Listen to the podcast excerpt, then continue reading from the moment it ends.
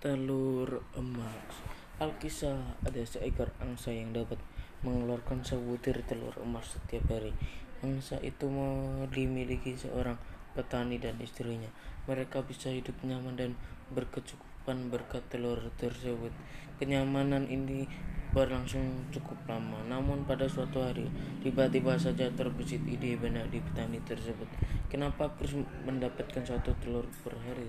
Karena tidak kuambil semuanya sekaligus dan jadi kaya raya pikirnya.